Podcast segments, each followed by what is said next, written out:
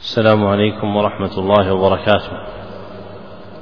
الحمد لله جعل طلب العلم من أجل القربات وتعبدنا به طول الحياة إلى الممات. وأشهد أن لا إله إلا الله وحده لا شريك له وأشهد أن محمدا عبده ورسوله صلى الله عليه وسلم ما عقدت مجالس التعليم وعلى آله وصحبه الحائزين مراتب التكريم. أما بعد فهذا هو الدرس الرابع من الكتاب الأول من برنامج التعليم المستمر في سنته الأولى سنة ثلاثين بعد الأربعمائة والألف.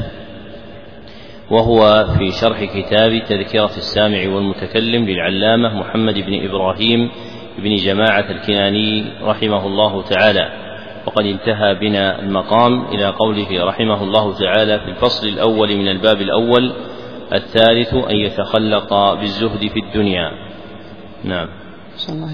بسم الله الرحمن الرحيم. الحمد لله رب العالمين وصلى الله وسلم وبارك على عبده ورسوله نبينا محمد وعلى آله وصحبه أجمعين. اللهم اغفر لنا ولشيخنا وللحاضرين ولجميع المسلمين.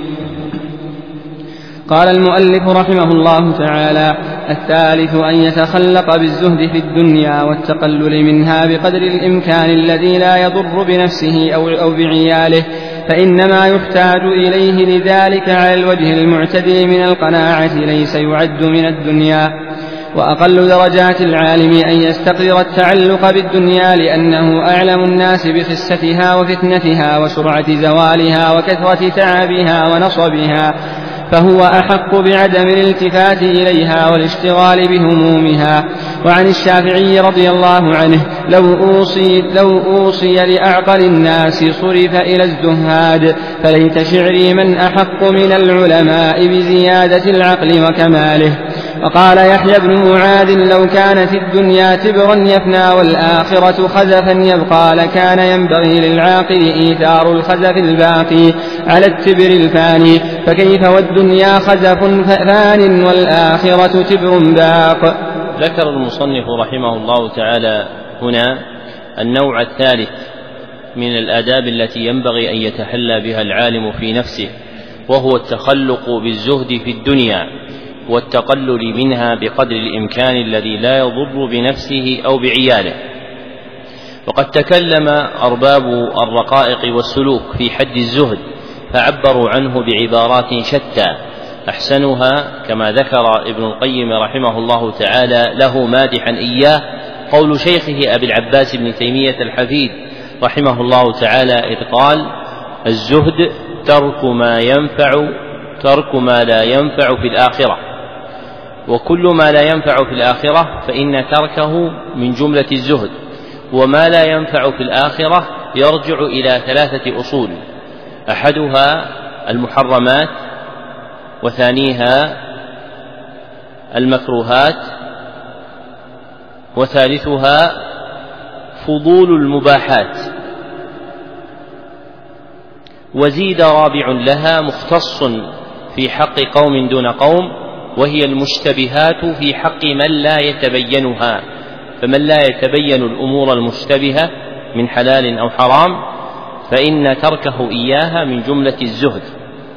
ثم ذكر المصنف رحمه الله تعالى أن مما ينبغي أن يكون حظ العبد ولا سيما العالم من الدنيا هو أن يكون في حال لا يضر فيها بنفسه أو بعياله. فعلم به أن ما خرج إلى إضرار العبد بنفسه أو بعياله فإنه ليس من الزهد وإنما حقيقة الزهد هو الأخذ بما يستعين به الإنسان على صلاح نفسه وصلاح عياله وحفظهم. ويعلم بهذا أن تعاطي المباحات ليس خارجا من جملة الزهد بل إذا تعاطى الإنسان المباحات لم يكن ذلك قادحا في زهده فإن الله سبحانه وتعالى أذن لنا بالتمتع بها. وإنما المذموم الذي يخرج به الإنسان عن حد الزهد هو إذا تسارع العبد إلى فضول المباح وغلب عليه. فإن الله عز وجل جبل الخلق على الميل إلى ما أظهر لهم من زينة الدنيا. فلا يذم العبد إذا أصاب منها ما أصاب وإنما يذم إذا جعلها حاكمة على قلبه مستولية عليه آمرة له. فإن الله سبحانه وتعالى قال ذاما للخلف الذين خلفوا قال فخلف من بعدهم خلف أضاعوا الصلاة واتبعوا الشهوات مع أن الشهوات مركبة في ابن آدم. كما قال الله سبحانه وتعالى زين للناس حب الشهوات ثم بين أفرادها من النساء والبنين إلى آخر الآية. فلا يذم الإنسان على حب الشهوة من الدنيا وإنما يذم إذا كان متبعا لها أي حاكمة عليه. فالزاهد هو الذي يصيب من الدنيا ما يتمتع به لكنها لا تكون حاكمة عليه. فإذا تعاطى المباح ولم يكن المباح حاكما عليه آمرا له قائدا له فإن ذلك لا يقدح في زهده. ولم يزل كبار أصحاب النبي صلى الله عليه وسلم ممن مد الله لهم في الدنيا يتمتعون بما رزقهم الله عز وجل منها ولم يكن ذلك قادحا في درجاتهم كعبد الرحمن بن عوف والعباس بن عبد المطلب وغيرهما. ثم ذكر رحمه الله تعالى أن من أقل درجات العالم أن يستقدر التعلق بالدنيا وهذا هو المراد بأن لا تكون الدنيا ملء قلبه حاكمة عليه بل يكون هو حاكما لها متأمرا عليها لأن الدنيا لخستها وفنائها وسرعة زوالها لا ينبغي أن يبالي بها عاقل فضلا عن أن يكون من العلماء. ثم ذكر رحمه الله تعالى القولة المأثورة المشهورة عن الإمام الشافعي رحمه الله تعالى إذ قال لو أوصى لأعقل الناس. وتروى أيضا لو أوصي لأعقل الناس صرف إلى الزهاد. إلى هنا انتهى كلام الشافعي. وما بعده هو من زيادة المصنف تعليقا عليه فقال فليت شعري من أحق من العلماء بزيادة العقل وكماله فحقيقة العقل حاملة على لزوم الزهد وأحق الناس بأن يكونوا زهادا هم العلماء. ثم أورد قول يحيى بن معاذ لو كانت الدنيا تبرا يفنى يعني ذهبا يفنى والآخرة خزفا يبقى والخزف معروف لكان ينبغي للعاقل إيثار الخزف الباقي على التبر الفاني لأن الباقي أولى بالعناية من الفاني. فكيف والدنيا خزف فان والآخرة تبر باق؟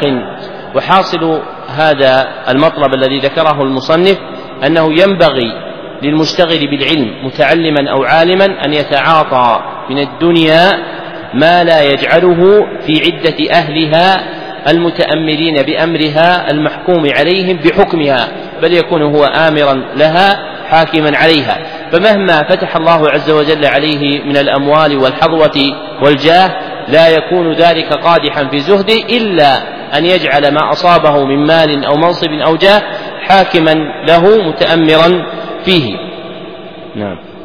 الله قال الرابع أن ينزه علمه عن جعله سلما يتوصل به إلى الأغراض الدنيوية من جاه أو مال أو سمعة أو شهرة أو خدمة أو تقدم على أقرانه قال الإمام الشافعي رضي الله عنه وددت أن الخلق تعلموا هذا العلم على أن لا ينسب إلي حرف منه. وكذلك ينزهه عن الطمع في رفق من طلبته في رفق من طلبته بمال أو خدمة أو غيرهما بسبب اشتغالهم عليه وترددهم إليه. كان منصور لا يستعين بأحد يختلف إليه في حاجة. وقال سفيان بن عيينة كنت قد أوتيت فهم القرآن فلما قبلت الصرة من أبي جعفر سلبته نسأل الله المسامحة. ذكر المصنف رحمه الله تعالى نوعا رابعا من الآداب التي ينبغي أن يتحلى بها العالم في نفسه وهو أن ينزه علمه عن جعله سلما يتوصل به إلى الأغراض أو الأعواض الدنيوية من جاه أو مال أو سمعة أو شهرة أو خدمة أو تقدم على أقرانه. لأن العلم إنما ينبغي أن يكون سلما لدرجات الآخرة وجعله في غير هذا المحل تدنيس له. فينبغي أن يطهر العالم علمه عن أن يجعله سلما يتوصل به إلى حطام الدنيا. ومن جعل العلم سلما يصيب به حظه من الدنيا فإن سلمه ينكسر وينحط من عاليه إلى أسفله. فإنه قلما تعاطى امرئ العلم ليصيب به الدنيا إلا مكر به. كما تقدم قول حماد بن سلمة من طلب الحديث لغير الله مكر به. فإن الإنسان إذا جعل العلم سلما يتوصل به إلى الأغراض الدنيوية ويصل به إلى مقصوده منها فإنه سرعان ما ينكب على وجهه وربما سلب ما كان له من الدنيا. وقد ذكر العلامة أحمد ابن محمد شاكر رحمه الله تعالى أن رجلا خطب في الأزهر بحضور الخديوي عباس لما عاد طه حسين من باريس فقال في خطبته قال فلما فلما جاءه الأعمى ما عبس ولا تولى معرضا بجناب النبي صلى الله عليه وسلم فكأن هذا الملك بلغ من رأفته ورحمته بالمبتعثين أن إذا قدموا عليه تلقاهم بالفرحة وغمرهم باللطف والعطف لا ما كما وقع من النبي صلى الله عليه وسلم. فلما انصرفوا من صلاتهم قام والده العلامة محمد شاكر وقال أيها الناس إن خطيبكم كفر فأعيدوا صلاتكم. ثم صلى وصلى من صلى وراءه من الناس. قال أحمد شاكر فلقد رأيت ذلك الرجل وكان خطيبا للأزهر من بعد في آخر عمره. يتكفف الناس عند أباب الجامع الأزهر ويتلقى أحذيتهم ليحفظها لهم بجنيهات قليلة. فانظروا لما جعل هذا الرجل الدنيا سلما له للوصول العلم سلما له للوصول إلى الدنيا بطلب رضا خلق من خلق الله من الملوك والأمراء عاقبه الله سبحانه وتعالى بضد قصده. وكذلك ينبغي على المستغل بالعلم أن ينزه نفسه عن الطمع في أن يصيبه شيء يترفق به أصحابه به من مال أو خدمة أو غيرها. وينبغي أن يستغني عن ذلك أتم الاستغناء فإنه ينفع بذلك وينتفع. وكان منصور بن المعتمر رحمه الله لا يستعين بأحد يختلف إليه أن يطلب العلم عليه في حاجة من حوائجه. وقال سفيان بن عيينة كنت قد أوتيت فهم القرآن فلما قبلت قبلت الصرة يعني العطية من المال من أبي جعفر أي المنصور الخليفة العباسي سلبته. وإلى هنا انتهى كلامه. وقوله نسأل الله المسامحة هو من قول المصنف رحمه الله تعالى فإن الخطيب البغدادي أخرج هذا الأثر في الجامع وانتهى إلى قوله سلبته وهذا القول من سفيان بن عيينة إنما هو في الإزراء على نفسه وعيبها لا على إرادة حقيقة ما تضمنه ذلك فإن عطايا السلاطين لم يزل أصحاب النبي صلى الله عليه وسلم كابن عمر فمن بعدهم يقبلونها منهم ولو كانوا ظلمة غاشمين لكن دون استشراف نفس إليها ولا تعلق بها. وإنما أراد أن يبين عيب إصابة شيء منها ولو مع تنزه النفس عن ذلك فأخبر عن أنه كان أوتي فهم القرآن ولأبي محمد رحمه الله تعالى كلام حسن عظيم في تفسير القرآن الكريم ثم كان منه أن ضعف نزعه وأخذه من القرآن لما قبل المال من أبي جعفر المنصور. ووجه ذلك أن القلب إذا ملي بحب الدنيا لم يتأتى له فهم القرآن لأن القرآن إنما يصلح لمحل طاهر والدنيا نجس فإذا تنجس القلب ضعف فهم القرآن. وقد قال سفيان الثوري رحمه الله تعالى أبى الله أن يجتمع فهم القرآن وحطام الدنيا في قلب عبد مؤمن أبدا. فإذا وجد الإنسان في نفسه ضعفا في نزع القرآن والفهم له والاستنباط منه فإن ذلك لحدوث نجاسات في قلبه من جملتها نجاسة الدنيا. وقل مثل هذا في سائر الأمراض التي تنتاب القلب. وقد روى الإمام أحمد في كتاب فضائل الصحابة بسند فيه انقطاع عن عثمان رضي الله عنه قال لو طهرت قلوبنا ما شبعت من كلام ربنا. وصدق رحمه الله تعالى. نعم. قال الخامس أن يتنزه عن دنيء المكاسب ورذيلها طبعا وعن مكروهها عادة وشرعا كالحجامة والدباغة والصرف والصياغة وكذلك يتجنب مواضع التهم وإن بعدت ولا يفعل شيئا يتضمن نقص مروءة أو ما يستنكر ظاهرا وإن كان جائزا باطنا فإنه يعرض نفسه للتهمة وعرضه للوقيعة ويوقع الناس في الظنون المكروهة وتأثيم الوقيعة. فإن اتفق وقوع شيء من ذلك منه لحاجة أو نحوها أخبر من شاهده بحكمه وبعذره ومقصوده كي لا يأتم بسببه أو ينفر عنه فلا ينتفع بعلمه وليستفيد ذلك الجاهل به. ولذلك قال النبي صلى الله عليه وسلم للرجلين لما رآياه يتحدث مع صفية فوليا على رسلكما إنها صفية. ثم قال إن الشيطان يجري من ابن آدم مجرى الدم فخفت أن يقذف في قلوبكما شيئا وروي فتهلكا. ذكر المصنف رحمه الله تعالى هنا نوعا خامسا من الآداب التي ينبغي أن يتحلى بها العالم في نفسه وهي أن يتنزه عن دني المكاسب ورضيدها طبعا وعن مكروهها عادة وشرعا كالحجامة والدباغة والصرف والصياغة فهذه المكاسب الدنية الرذيلة ينبغي أن يترفع عنها العبد سواء كانت مما قبح شرعا أو طبعا فإن العالم بل طالب العلم ينبغي له أن يراعي الطبع والشرع.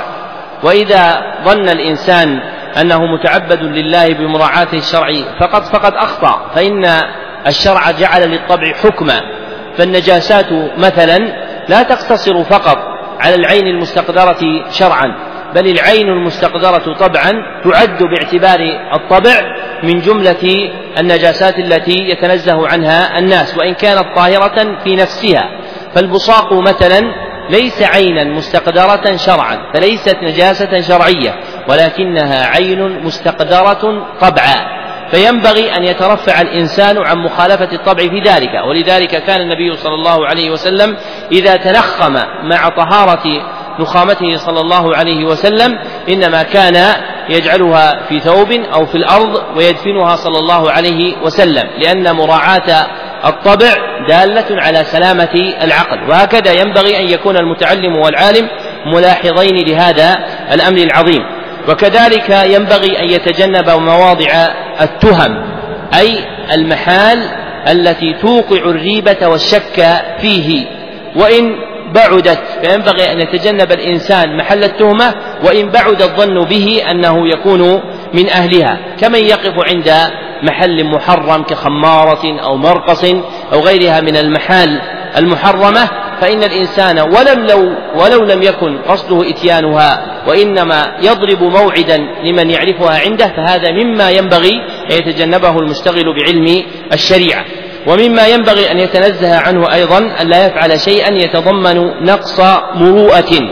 وأحسن ما قيل في حد المروءة ما ذكره المجد ابن تيمية رحمه الله تعالى في المحرر وتبعه حفيده أبو العباس ابن تيمية في بعض الفتاوى. أن المروءة استعمال ما يجمله ويزينه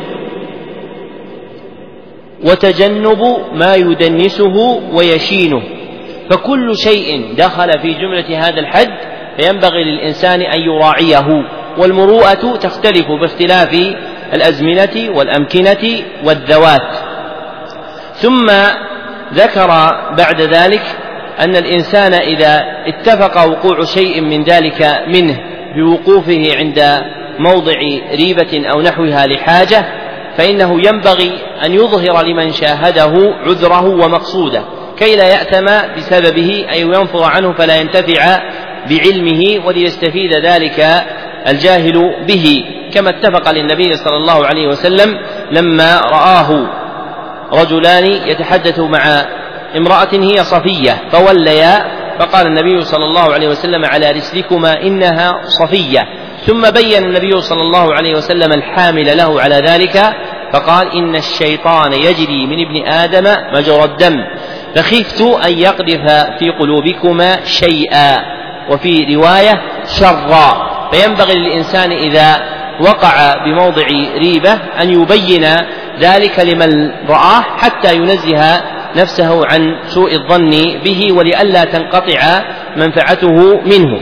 وذكر المصنف رحمه الله تعالى زيادة في هذا الحديث وهي قوله وروي فتهلك وهذه الزيادة ذكرها جماعة من شراح الحديث كالقاضي عياض والقرطبي في المفهم في آخرين ولا أصل لها في الروايات المسندة. نعم. السادس أن يحافظ على القيام بشعائر الإسلام وظواهر الأحكام كإقامة الصلوات في مساجد الجماعات وإفشاء السلام للخواص والعوام والأمر بالمعروف والنهي عن المنكر والصبر على الأذى بسبب ذلك صادعا بالحق عند السلاطين باذلا نفسه لله لا يخاف فيه لومة لائم ذاكرا قوله تعالى واصبر على ما أصابك إن ذلك من عزم الأمور. وما كان سيد وما كان سيدنا رسول الله صلى الله عليه وسلم وغيره وغيره من الأنبياء عليه من الصبر على الأذى. وما كانوا يتحملونه في الله تعالى حتى كانت لهم العقبى. وكذلك القيام بإظهار السنن وإخمال البدع. والقيام لله في أمور الدين وما فيه مصالح المسلمين على الطريق المشروع والمسلك المطبوع. ولا يرضى من أفعاله الظاهرة والباطنة بالجائز منها بل يأخذ نفسه بأحسنها وأكملها. فإن العلماء هم القدوة وإليهم المرجع في الأحكام وهم حجة الله تعالى على العوام وقد يراقبهم للأخذ عنهم من لا ينظرون ويقتدي بهديهم من لا يعلمون. وإذا لم ينتفع العالم بعلمه فغيره أبعد من الانتفاع به. كما قال الشافعي ليس العلم ما حفظ العلم ما نفع. ولهذا عظمت زلة العالم لما يترتب عليها من المفاسد لاقتداء الناس به. ذكر المصنف رحمه الله تعالى هنا نوعا سادسا من الآداب التي ينبغي أن يتحلى بها العالم في نفسه وهو محافظته على القيام بشعائر الإسلام وظواهر الأحكام. والمراد بها أفعال الدين الظاهرة. فإن هذه الأفعال تسمى شعائرا. وقد أضافها المصنف رحمه الله تعالى إلى الإسلام. والمعروف في خطاب الشرع إضافة الشعائر إلى الله وإضافة الشرائع إلى الدين. فإن إضافة الشعائر إلى الله وقعت في القرآن الكريم في آيات عدة كما في قوله تعالى إن الصفا والمروة من شعائر الله. في آية أخرى وإضافة الشرائع إلى الدين وقعت في حديث عبد الله بن بصر عند الترمذي وابن ماجه بسند حسن أنه قال للنبي صلى الله عليه وسلم يا رسول الله إن شرائع الدين قد كثرت علي. فالشعائر تضاف في خطاب الشرع إلى الله والشرائع تضاف إلى الدين. والفرق بينهما أن الشعائر هي ما جعل علامة للأحكام. ووضع هذه العلامات إنما هو لله عز وجل لأن الحكم والشرع له. وأما الشرائع فإنها الأعمال التي يتعبد بها الإنسان فتضاف إلى الدين. فالأوفق جعل الإضافة على هذا النسق فإنها أدل على كمال المراد فالشعائر تضاف إلى الله والشرائع تضاف إلى الدين. وقد ذكر المصنف رحمه الله تعالى أنواعا من الشعائر الظاهرة والأحكام منها إقامة الصلوات في المساجد وإفشاء السلام والأمر بالمعروف والنهي عن المنكر والصبر على الأذى. صادعا بالحق على عند السلاطين باذلا نفسه لله لا يخاف فيه لومة لائم. ذاكرا قوله تعالى واصبر على ما أصابك إن ذلك من عزم الأمور. متأسيا بما كان عليه النبي صلى الله عليه وسلم من ذلك. فينبغي أن يكون من أدب العالم في شعائر الإسلام أمره بالمعروف ونهيه عن المنكر وصبره على ذلك وصدعه بالحق عند الحاكم والمحكوم والراعي والرعية. وإنما كان من سلف من أهل العلم يذكرون الصدع بالحق عند السلاطين لأن عوام المسلمين كانوا على تعظيم العلماء. فكان العالم إذا أمر العامة بشيء ائتمروا بأمره. وإنما تحصل المنازعة من السلطان. واليوم صار العالم مبتلا بالحاكمين والمحكومين. مأمورا بالصدع بالحق عند السلاطين عند السلاطين وعند المحكومين. وقد حدثني من رأى الشيخ محمد بن عثيمين رحمه الله تعالى في فتنة مضت وقد أحيط به حتى سقط بشته فينبغي أن يصبر الإنسان ويصطع بالحق عند حاكم أو محكوم فليس الصدع بالحق هو الكلام عند الحكام أو فيما يتعلق بالحكام فإن هذا هو بعض الصدع بالحق ويقابله أيضا الصدع بالحق عند المحكومين. أعجبهم ذلك أو لم يعجبهم أخذوا به أو لم يأخذوا به. ومن قبل كانوا لا يشيرون إلى هذا الأصل لأن عوام المسلمين كانوا على تعظيم العلماء. أما اليوم فقد دخلتهم الدواخل وتنازعتهم الأهواء وفرقتهم الأحزاب فصار العالم له منزلة كمنزلة غيره.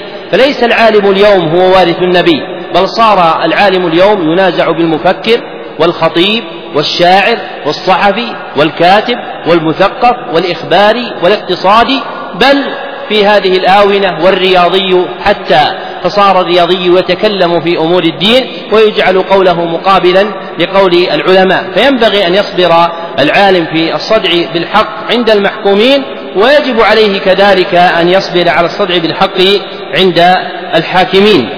ثم ذكر من الشعائر الظاهرة أيضا القيام بإظهار السنن وإخمال البدع أي إماتتها وإخمادها والإخمال والإخماد بالدال واللام كلاهما بمعنى واحد أي الإماتة. وكذلك ينبغي له أن يكون قائما لله في أمور الدين ساعيا إلى ما فيه مصالح المسلمين على الطريق المشروع والمسلك المطبوع وهذا قيد لازم وهو أن يكون سلوك العالم في طلب ما سلف من أمر من شعائر الإسلام الظاهرة ملازما فيه للطريق الذي اختطته الشريعة ووافقته الطبيعة. وهذا معنى قوله على الطريق المشروع والمسلك المطبوع. ومثله قول أبي العباس ابن تيمية رحمه الله تعالى في العقيدة الواسطية لما عدد من مسالك أهل السنة في منهجهم قال ونرى الأمر بالمعروف والنهي عن المنكر على ما توجبه الشريعة والمعنى أي وفق ما أمر الله سبحانه وتعالى به لا وفق الأهواء ولا الآراء ولا المستحسنات. ثم ذكر أنه مما ينبغي على العالم أن لا يرضى من أفعاله الظاهرة والباطنة بالجائز منها بل يأخذ نفسه بأحسنها وأكملها. كما قال سفيان الثوري رحمه الله تعالى كنا نضحك فلما صار الناس يقتدون بنا تحفظنا من كثير من ذلك. فالعالم منظور إليه وهو وارث للنبي صلى الله عليه وسلم فينبغي أن يأخذ نفسه بأحزم الأمور وأكملها رجاء أن تتم منفعة الناس به. ثم ذكر أنه إذا لم ينتفع العالم بعلمه فغيره أبعد من الانتفاع به. فالعالم إذا أخذ على نفسه وعملها بالعزائم وحملها على الأمور العظام نفع نفسه وانتفع الناس به ورأوه محلا للقدوة. وهذا هو الذي بلغه كمل الخلق من الأئمة المقتدى بهم كما ذكر المروذي أن مجلس أبي عبد الله أحمد بن حنبل رحمه الله تعالى كان يحضره خمسة آلاف. لا يكتبون شيئا وإنما ينظرون إلى هديه وسمته وخلقه رحمه الله تعالى يقتدون به ويسيرون بسيره.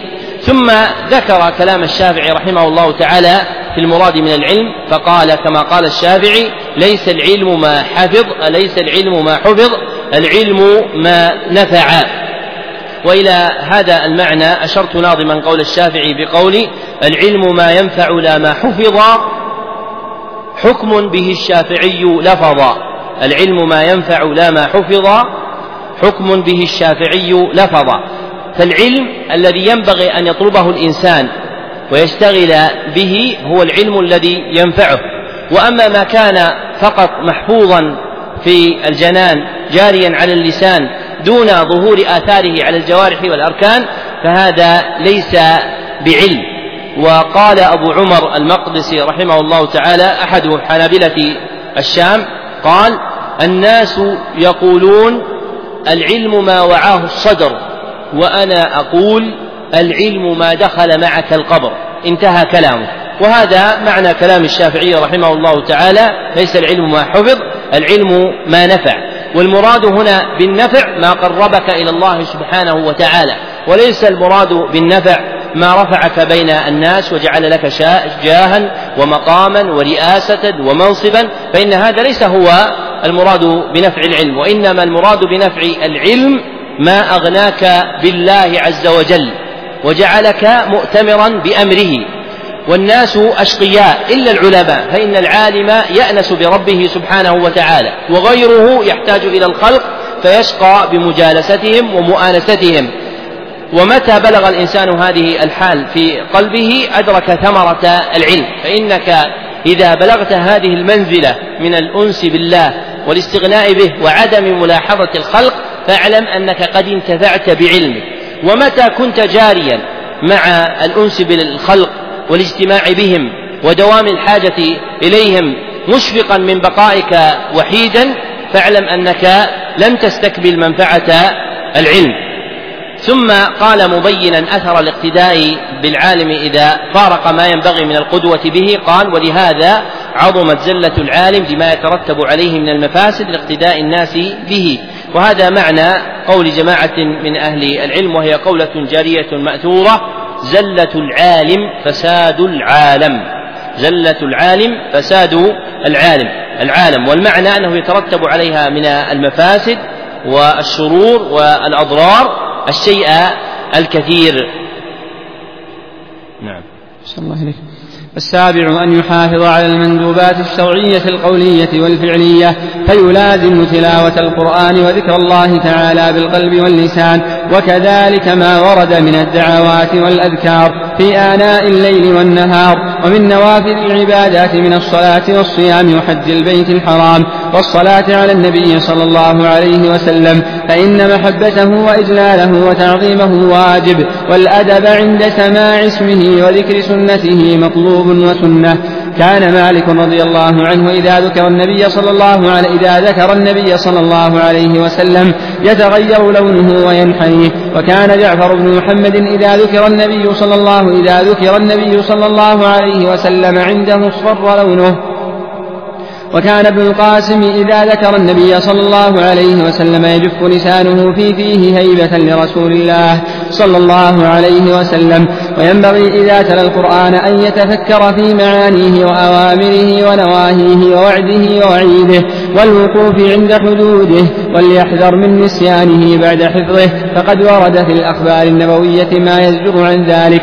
والأولى أن يكون له منه في كل يوم ورد راتب لا يخل به. فإن غلب عليه فيوم ويوم فإن عجز ففي ليلتي ففي ليلتي الثلاثاء والجمعة لاعتياد بطالة الاشتغال فيها وقراءة القرآن في كل سبعة أيام ورد ورد حسن ورد في الحديث. وعمل به أحمد بن حنبل ويقال من قرأ القرآن في كل سبعة أيام لم ينسه قط. ذكر المصنف رحمه الله تعالى نوعا سابعا. من الآداب التي ينبغي أن يتحلى بها العالم في نفسه وهو المحافظة على المندوبات الشرعية القولية والفعلية. والمراد بالمندوبات النوافل وهذا هو الاسم الموضوع شرعا كما في حديث أبي هريرة القدسي المخرج في صحيح البخاري وفيه أن الله سبحانه وتعالى يقول ولا يزال عبدي يتقرب إلي بالنوافل فمقابل الفرائض إنما يسمى شرعا بالنوافل. وقد ذكر المصنف رحمه الله تعالى أفرادا من تلك النوافل كتلاوة القرآن وذكر الله والدعوات والأذكار. إلى أن ذكر الصلاة على النبي صلى الله عليه وسلم. ثم جره ذلك إلى بيان ما ينبغي من تعظيم ذكره صلى الله عليه وسلم وما كان يلحق السلف من ذلك. فذكر أحوالا جرت لمالك بن أنس وجعفر بن محمد الباقر وابن القاسم صاحب مالك. وهذه الأحوال إنما هي حال يغلب فيها الإنسان وليست هي من الحال المطلوبة. ولا بد أن يفرق الناظر في أحوال السلف بين حال تطلب وحال تغلب. فالحال التي تطلب هي الحال التي أمرنا أن نتعبد الله سبحانه وتعالى بها. فإذا وقع من أحوال السلف ما يوافق ما أمرنا به من العبادة كان ذلك مأمورا به مقتدا به فيه. كمن كان من السلف يصوم يوما ويفطر يوما ويصوم يوما ويفطر يوما فإن هذا جار على حال تطلب مأمور بها شرعا. وأما الحال التي تغلب فهي الحال التي تجري بحكم القدر على العالم أو المتعبد الناسك من السلف ولا يؤمر بها شرعا. فيكون معذورا باعتبار أنه مغلوب لكن لا يطلب التأسي به. كهذه الأحوال المذكورة لهؤلاء الأئمة عند ذكر النبي صلى الله عليه وسلم من تغير ألوانهم واصفرارها وجفاف اللسان هيبة لرسول الله صلى الله عليه وسلم فإن هذه حال غلبت عليهم باعتبار القدر. فلا يؤمر باتباعهم وإنما يستفاد منها مزيد تعظيمهم لجناب النبي صلى الله عليه وسلم وهذا هو الذي ينبغي أن يلاحظه الإنسان في الاقتداء بهم. وإذا غلط الإنسان في فهم أقوال وأفعال وأحوال السلف دخل في القول عليهم بما لا يصح.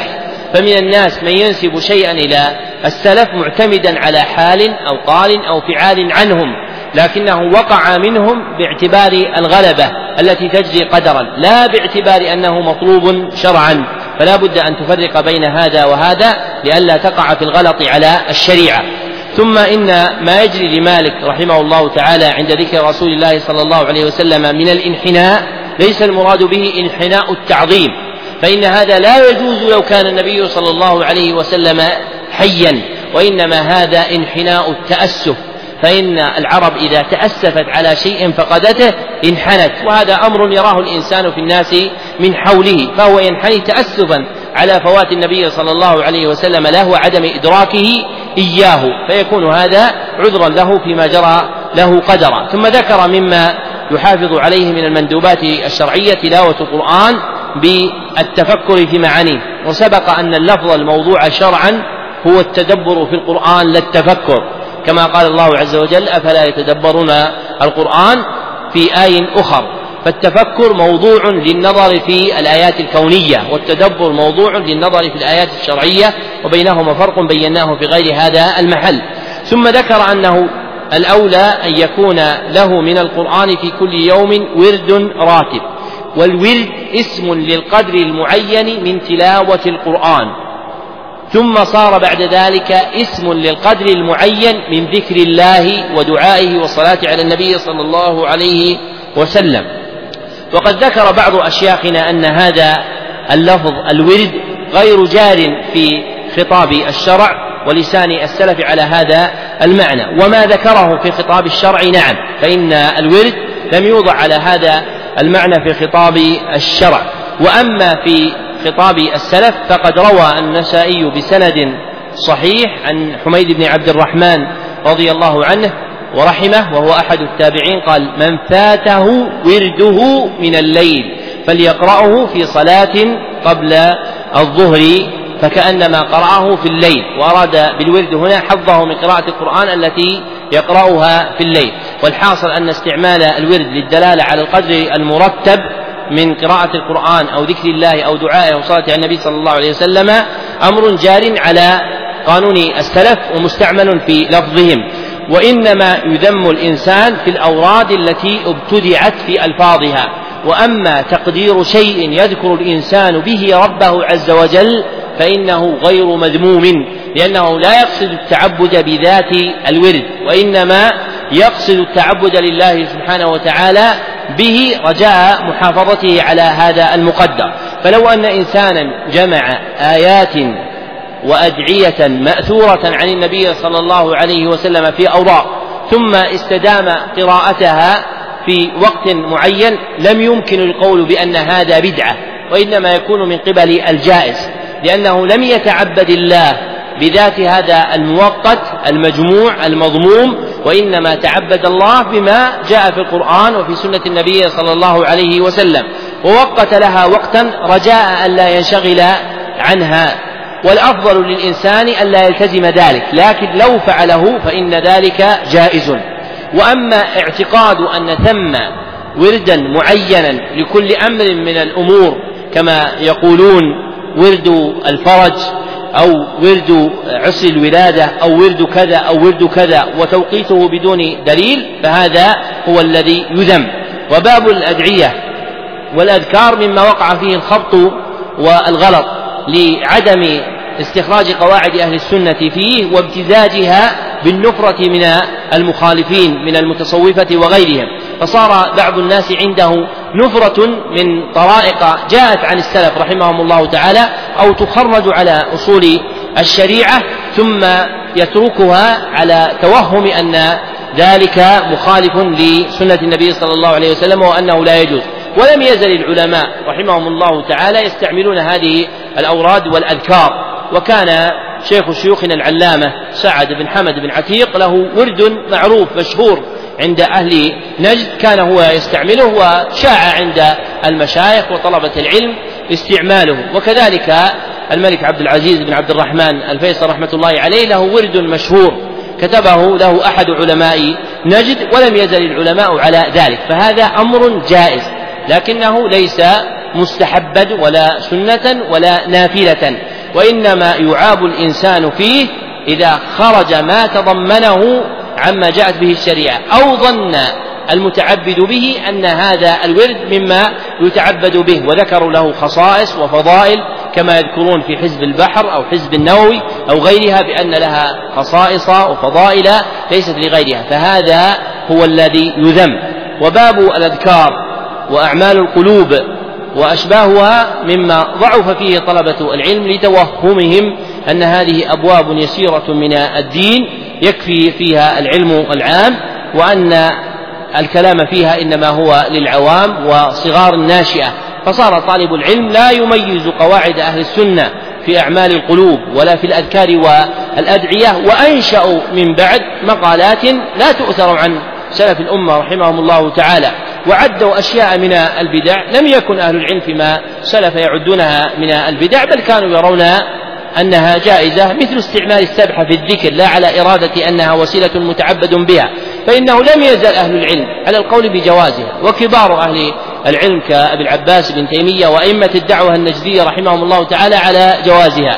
وإنما حدث القول ببدعيتها متأخرا. وكذلك ختم الدعاء عند ختم القرآن. لم يزل أهل العلم على ذلك. وإنما حدث القول ببدعيتها متأخرا ومنشأ هذا الغلط في فهم قواعد الأذكار والأدعية ونشأت عنها هذه الأقوال التي فشت عند الناس فصارت علامة السني أن لا يستعمل الدعاء عند ختم القرآن مع أنه ثبت عن أنس بن مالك رضي الله عنه ورحمه أنه كان إذا ختم القرآن جمع أهله والمقصود بالجمع هنا الدعاء فإنه لا يراد بالجمع مرد مجرد ضم بعضهم إلى بعض وإنما المقصود بذلك الدعاء وهذا آخر التقرير على هذا المقصد من كتاب تذكرة السامع والمتكلم.